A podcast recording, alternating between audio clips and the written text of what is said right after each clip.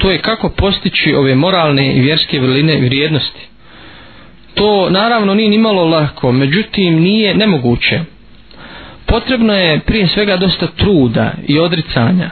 Međutim, gdje ćemo naći toliko motiva za dug da i dugoročno odricanje i požutvovanje, naročito u ovim vremenima kada nije nimalo lako izgraditi vjeru i kada nije nimalo lako izgraditi visok nivo morala. Danas je mnogo pojedinaca i mnogo je organizacija i ustanova i vladinih i nevladinih koje generalno pozivaju pravdi, istini, poštenju i rade na moralu općenito. Međutim, očito je da nemaju nekog značajnog uspjeha. Postavlja se pitanje zbog čega? Zbog toga što moral, čestitost, pravičnost, odgovornost i druge pozitivne osobine moraju biti zasnovane i utemeljene na čvrstijim temeljima i jakim motivima. Šta to može spriječiti kriminalca od kriminala? Do svijest da je to što čini zlo i da će na onome svijetu za to odgovarati i kažen biti.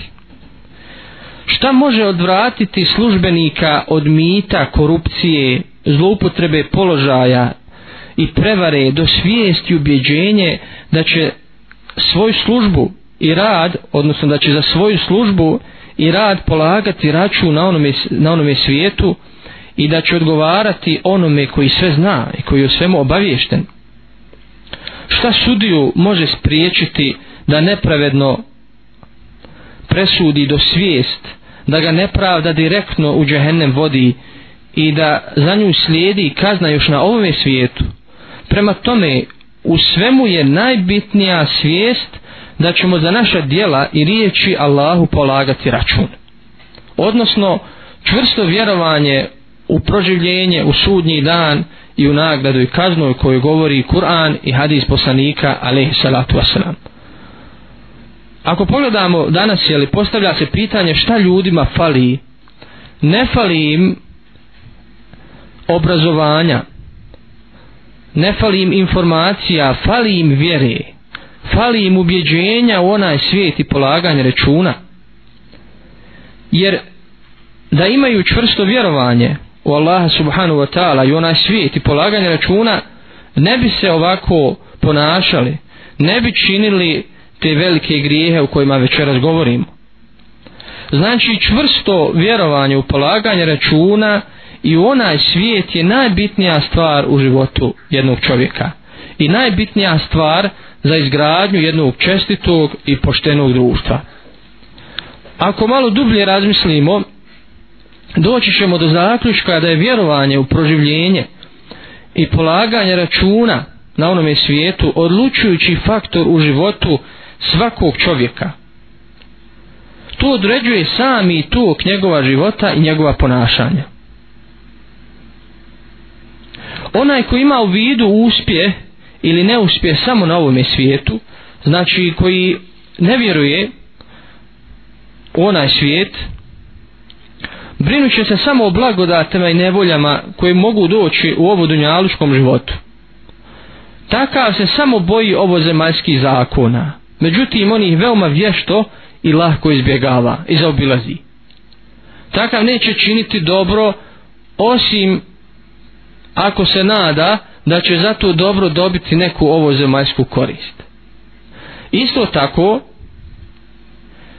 neće izbjegavati nikakvo zlo ako ono ne zadire u njegove ovu dunjaličke interese.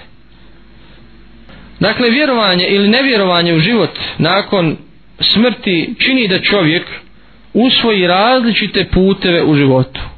Da se različito odnosi prema životu i prema drugima prema svojim obavezama i odgovornostima za onoga ko ne vjeruje u sudnji dan ili podobro sumnja nemoguće je da oblikuje svoj život kako to islam traži jer on nema motiva on nema motiva za to kada Allah naređuje radi Allaha dajte zekat i sadaku siromahu odgovor njegov ili odgovor takvi će biti ne osiromašiću više volim da držim imetak ko sebe ili na banci da berem kamatu recimo islam naređuje uvijek istinu govorite pa makar lažući dobijali a govoreći istinu gubili njegov odgovor će biti zašto da govorim istinu kad svi lažu danas danas od istine nema koristi ako se takav nađe u prilici da ukrade i prevari sam sebi kaže niko me ne vidi odnosno ima takvu svijest i ovo je prilika da zaradi da se lako obogati njemu nije na umu da će odgovarati za, da, za ta svoja djela na onome svijetu niko me ne vidi niko neće obavijesti policiju ili se došli protiv mene ukratko u svakom trenutku islam čovjeku nudi određeno ponašanje i vodi ga sigurnim putem međutim on uvijek uzima suprotan pravac I ono što je najbitnije ovdje naglasiti jeste da islam i vjernik prije svega sve mjeri i procjenjuje sa stanovišta vječnih posljedica na onome svijetu.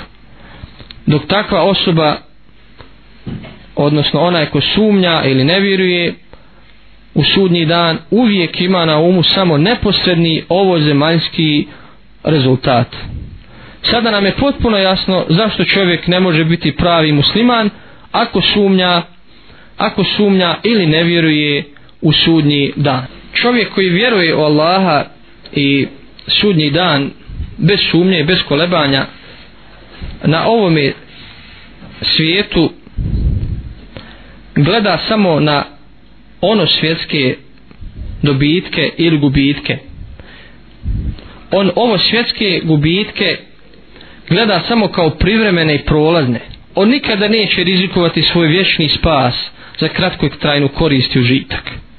To su najpametniji ljudi koji hodaju zemljom. On gleda stvari u široj perspektivi i uvijek ima na umu ono što može dobiti ili izgubiti u vječnosti. Stoga nikada neće žrtvovati vječnost, ahiret, džennet, za prolazne užitke na ovome svijetu, koji ruše njegovu vjeru i njegov moral, odnosno ono što je uzvišen Allah subhanahu wa ta'ala zabranio. On će činiti dobro, ma koliko ga to koštalo na ovome svijetu, a izbjegavat će zlo bez obzira koliko ono bilo privlačno i zanimljivo.